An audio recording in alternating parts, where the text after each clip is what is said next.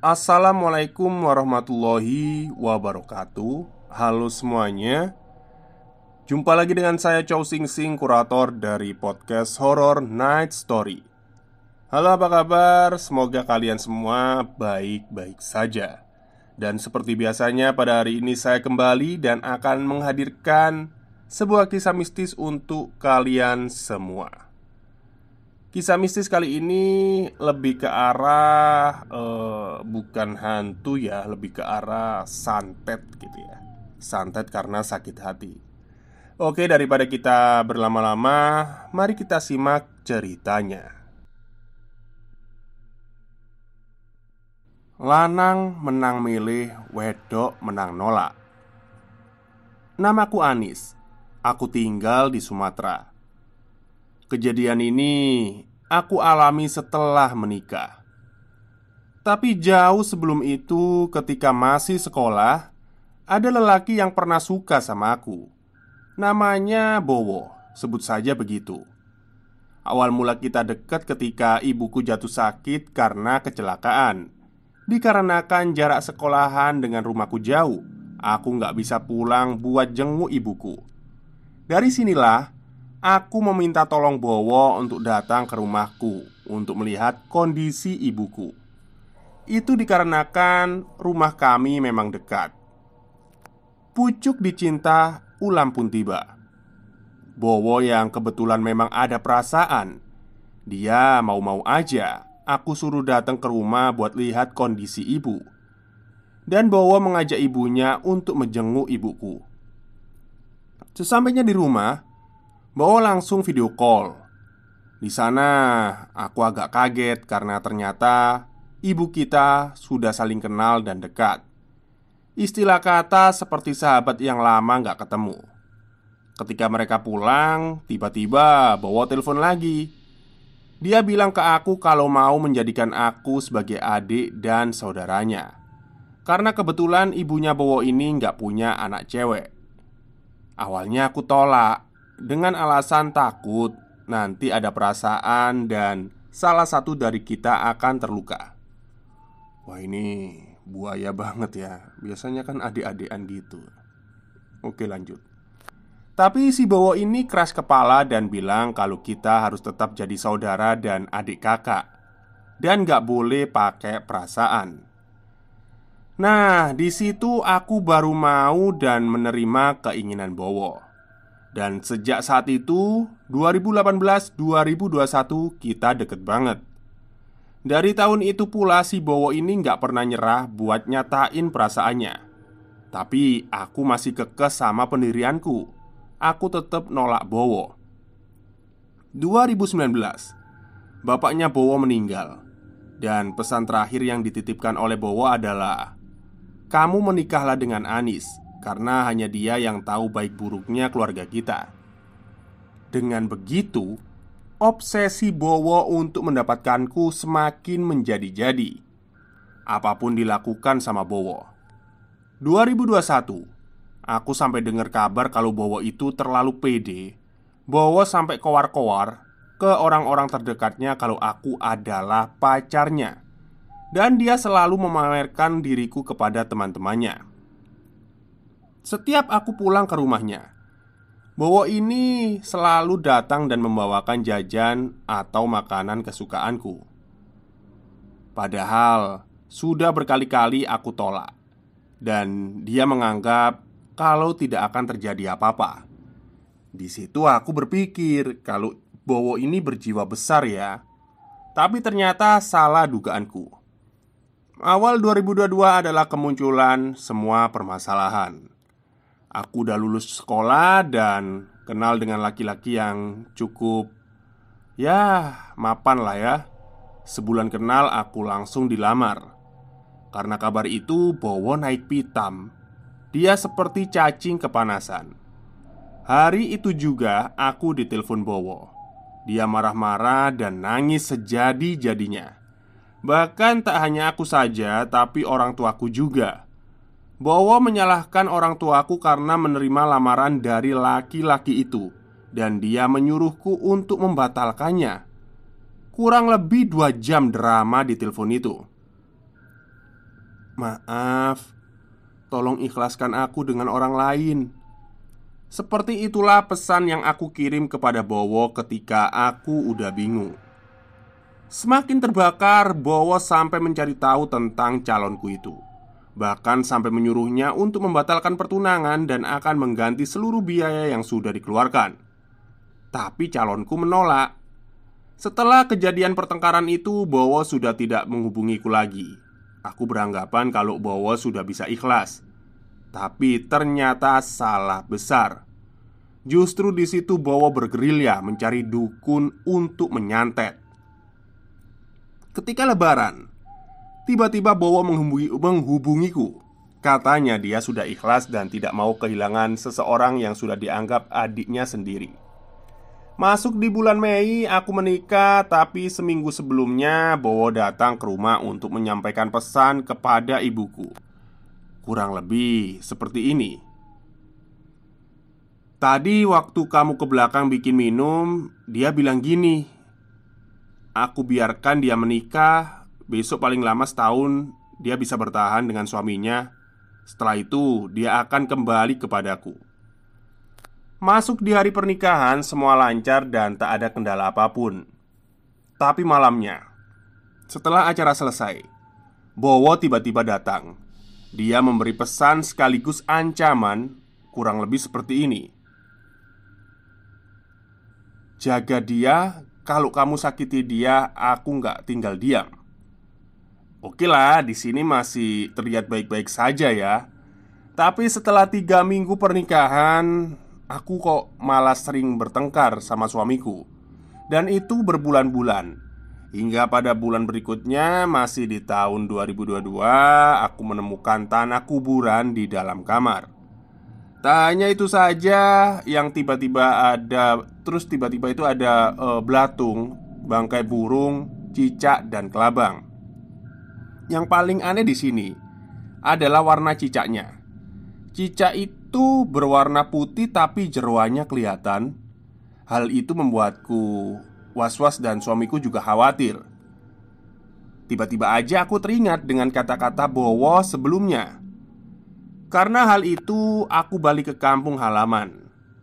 Kita cari orang yang bisa menolong. Sampai akhirnya kita mendatangi tiga orang ustadz Satu ustadzah dan tiga orang pintar. Semua orang itu melihat semuanya dan sama. Kalau aku ini sedang dikirimi santet. Ya seperti biasa kita dirukyah dan diberi air doa. Reaksi pertama pas aku minum air itu Aku merasakan demam Muntah-muntah Sampai Ya muntahnya itu warnanya hijau Sedangkan suamiku dia hanya merasakan gejala ringan saja Dari semua ritual itu Hanya mampu bertahan 10 hari saja Karena setelah itu berlanjut lagi keanehan yang semakin parah Dimulai dari barang-barang yang tiba-tiba pindah tempat, genteng rumah ribut pada malam hari, dan seperti ada yang melempar pasir. Tiba-tiba ada yang berjalan di atap rumah, suara ketawa perempuan, dan binatang cicak yang jika dibunuh langsung hilang. Lalu masakan yang baru aja jadi itu tiba-tiba basi, dan peliharaan yang selalu mati. Di situ kita belum putus asa ya. Kita kemudian cari ustadz lagi untuk dirukyah Sampai ustadz itu bilang Saya hanya mampu merukyah tiga kali Jika tidak berhasil silahkan lanjut dengan guru saya Ketika dirukyah aku ngerasain gatel-gatel. Gatelnya itu beda ya. Aku garuk-garuk sampai pandanganku gelap dan tiba-tiba pingsan. Kata suamiku, aku marah saat dipegang. Bahkan sampai ngata-ngatain ustadznya. Butuh waktu dua jam sampai aku benar-benar sadar dan tenang. Nanti dua hari lagi di Rukyah Sekalian rumahnya Kata Pak Ustadz begitu. Dua hari kemudian Pak Ustadz datang Dengan membawa minyak kasturi Bubuk daun bidara dan ranting pohon bidara. Saat dirukyah dan minyak kasturi itu didekatkan di hidung Aku langsung mual, marah-marah dan gatal-gatal lagi. Dan di situ aku nggak sadar lagi. Kata suamiku, di rukyah yang kedua ini aku udah mau berinteraksi. Sosok yang ada dalam tubuhku bilang kalau dia disuruh untuk menghancurkan rumah tanggaku. Dan ada satu sosok lagi yang ditanam di dalam perutku. Katanya dia disuruh untuk membunuh dan memakan calon bayiku jika aku hamil. Di situ kita disuruh untuk tetap sholat, dikir, pagi petang, dan ngaji. Sampai si ustadz tadi bilang kalau kita juga disuruh untuk mencari ustadz lain kalau sampai ini nggak berhasil. Nah setelah itu aku bilang ke suami kalau kita istirahat dulu aja sebelum mencari ustadz lain Karena aku benar-benar ngerasain badanku itu sakit semua luar dalam Selama kita di kita nggak dirukyah, muncul hal aneh yang baru. Aku seperti sering melihat sosok Bowo. Dan ketika aku lagi berhubungan dengan suamiku, berhubungan intim ya, wajah suamiku ini tiba-tiba berubah menjadi sosok Bowo. Aku melihat suamiku semakin jelek dan benci. Dan di situ suamiku sampai benar-benar takut karena tiba-tiba dia lihat aku senyum-senyum licik sendiri. Bahkan aku sampai sempat mencekik suamiku dan itu aku nggak sadar Aku keguguran pertama di bulan 10 tahun 2022 Janinku tiba-tiba keluar sendiri Aku down banget saat itu. Rasanya nggak karuan dan butuh waktu lama buatku untuk bangkit. Dan di bulan ke-11 kita coba keluar kota untuk berobat. Tempat berobat kali ini direkomendasikan oleh teman suamiku. Lumayan jauh sih waktu itu. Sebut saja Pak Haji namanya ya. Ketika tiba di sana, pas perutku dipegang, itu rasanya perih banget. Setelah itu kita cari penginapan Karena jarak dari sini ke rumahku itu sekitar 7 jam perjalanan. Awalnya setelah dari Pak Haji itu nggak ada reaksi. Tapi malamnya aku benar-benar merasakan menggigil kedinginan dan perutku sakit banget. Katanya nggak apa-apa, katanya itu itu memang reaksinya seperti itu. Besoknya Ketika aku udah baikan, aku pulang. Hanya saja Aku dan suamiku tetap gak merasakan ada perbedaan selama berobat di sana. Dan setiap kita bertengkar Si Bowo itu pasti tahu. Sampai kita benar-benar capek karena berobat gak kunjung ada perubahan. Jadi kita putusin untuk kembali berobat di awal tahun 2023 Di tahun itu kita putusin untuk balik kampung ke halaman dan berobat ke ustada. Nah ini benar-benar di luar nalar ya Jadi ketika aku diberi air doa Dan disuruh untuk menciprat-cipratkan ke seluruh area rumah Tiba-tiba rumahku berasap. Benar-benar berasap seperti habis kebakaran Tapi nggak ada api. Dan alhamdulillahnya setelah itu banyak perubahan. Masuk di bulan 4 Aku dapat kabar kalau ibuku masuk RS karena mikirin masalah yang lagi aku alami. Ibu bilang Untuk berobat ke orang pintar di daerah sana. Orangnya cukup disegani di lingkungannya. Dan saat sampai di rumahnya, aku cuma disuruh membuat ramuan dari kunyit, kelapa muda, dan telur ayam kampung. Dicampur jadi satu. Memang sih rasanya nggak karuan. Dan ternyata di bulan 5 setelah lebaran Aku dapat kabar kalau Bowo dipecat karena ketahuan mencuri uang di tempat ia bekerja Dan faktanya dia butuh uang banyak selama ini Ternyata untuk bolak-balik ke dukun Untuk melakukan perbuatan itu ke rumah tanggaku. Tapi sialnya Si Bowo di bulan ke-6 Ia dapat kerjaan lagi. Dan itu pas banget kalau aku lagi hamil dan berusia 11 minggu. Malamnya pas aku tidur Aku mimpi ketemu sama sosok nenek tua bungkuk bawa tongkat Dia jalan ke arahku tidur dan mengelus-ngelus perutku. Ketika itu aku nggak bisa berbuat apa-apa Cuma bisa ngeliatin sosok nenek itu. Nggak lama setelah itu dia kayak membaca mantra gitu ya.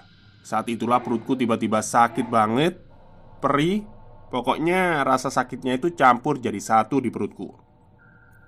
Dan bersamaan dengan itu Aku kebangun dan pas banget itu adzan subuh Ketika aku jalan di kamar mandi buat ambil wudhu Tiba-tiba ada darah yang keluar netes di paha. Buru-buru aku bangunin suami dan aku ceritain semuanya. Paginya akhirnya kita putusin buat USG Dan benar saja kalau anakku udah gak ada lagi. Perutku kosong gak ada janinnya lagi. Semua hilang begitu saja Padahal seminggu sebelumnya aku udah periksa USG sekalian minta vitamin penguat janin Di situ semua baik-baik saja dan dokter menangani kehamilanku sampai bingung, gak percaya. Kok bisa hilang katanya. Sampai pada di mana aku kurang percaya dengan hasil USG pertama Aku putusin buat USG di tiga tempat yang berbeda. Dan semua hasilnya sama Hilang. Aku down lagi. Bener-bener gak tahu harus gimana lagi? Dan di bulan ke-10 Aku dan suami kembali bertengkar hebat. Aku sempat diusir sama suamiku. Aku lalu pergi ke, dari rumah dan aku nginep selama tiga hari di penginapan. Sampai aku dapat kabar kalau ibuku rumah, masuk rumah sakit lagi. Aku buru-buru pulang. Ternyata di situ suamiku juga tahu dan ikut pulang kampung melihat kondisi ibuku Entah gimana ceritanya, semua orang sampai membenciku. Aku benar-benar pusing dan bingung harus gimana lagi. Tapi setelah drama panjang itu akhirnya di bulan ke-11 2023 Oh masih baru ya ternyata ya Aku dan suami sudah baikan dan lebih tenang. Kita putusin buat berobat lagi di suatu tempat. Ketika tiba di sana, aku kembali di Rukia dan di situ aku kesurupan lagi.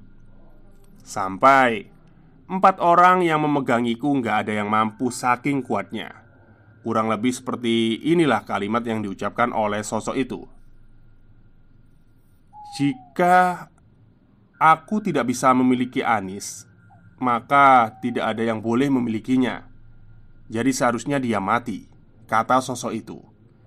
Sekitar dua jam kesurupan Setelah diadani aku sadar muntah, bersin, menguap, bahkan sendawa Ternyata bapak itu sudah membantu dari dulu ketika suamiku memberikan foto dan video yang pernah ia rekam sebelumnya.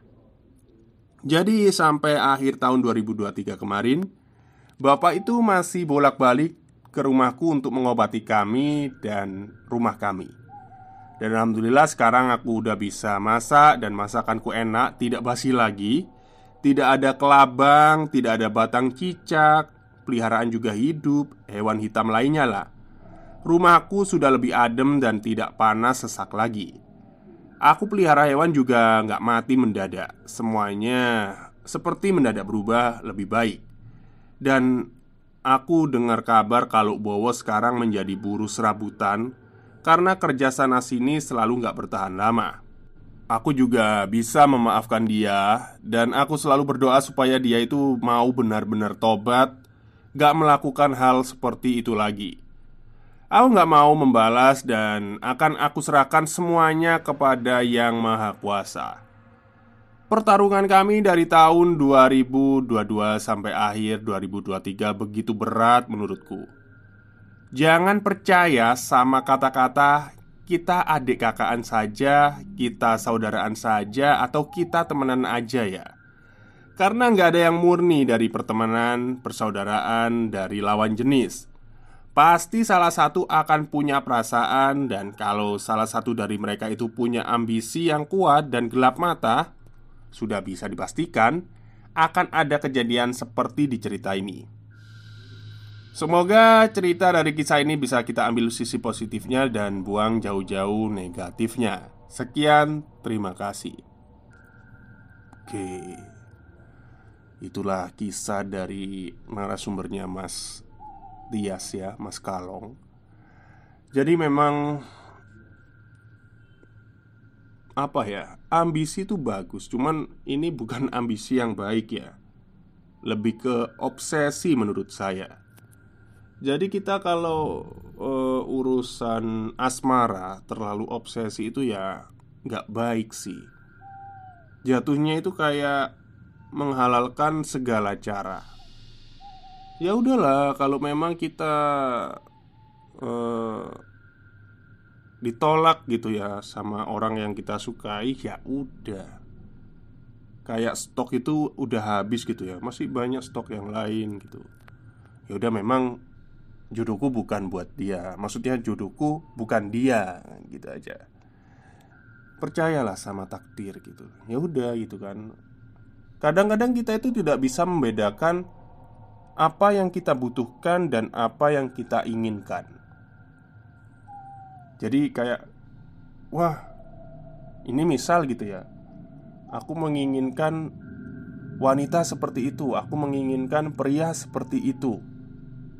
Tapi kita lupa Kita butuh nggak? Butuh itu maksudnya dalam artian Dia bisa menghargai kita Dia bisa jujur sama kita Dia bisa Ya menyayangi kita gitu ya. Kita cuma gelap mata Yaudah aku pingin dia gitu kan. Nggak mikirin Dia sayang nggak? Dia uh, bisa menghargai nggak? Ya itu nantinya jadi masalah juga ya. Dan saya tekankan di sini obsesi itu nggak baik bagi kalian para wanita, bagi kalian para laki-laki yang ya mengalami kejadian ini yang legowo gitu ya. Ketika kita sudah ditinggal sama orang yang kita sayang, dicampakkan, di uh, di ghosting atau apalah istilahnya, ya udah kita legowo saja kita suudon eh husnudon kepada Allah itu ya mungkin ini jalan takdirnya gitu loh. Karena Allah itu pasti memilihkan yang terbaik buat kita. Itu aja cerita untuk hari ini. Saya juga tidak menyangka bahwa hal-hal seperti ini di tahun yang sudah milenium ya seperti ini masih ada gitu ya. Oke, mungkin itu saja cerita untuk hari ini. Semoga kalian semua suka. Wassalamualaikum warahmatullahi wabarakatuh.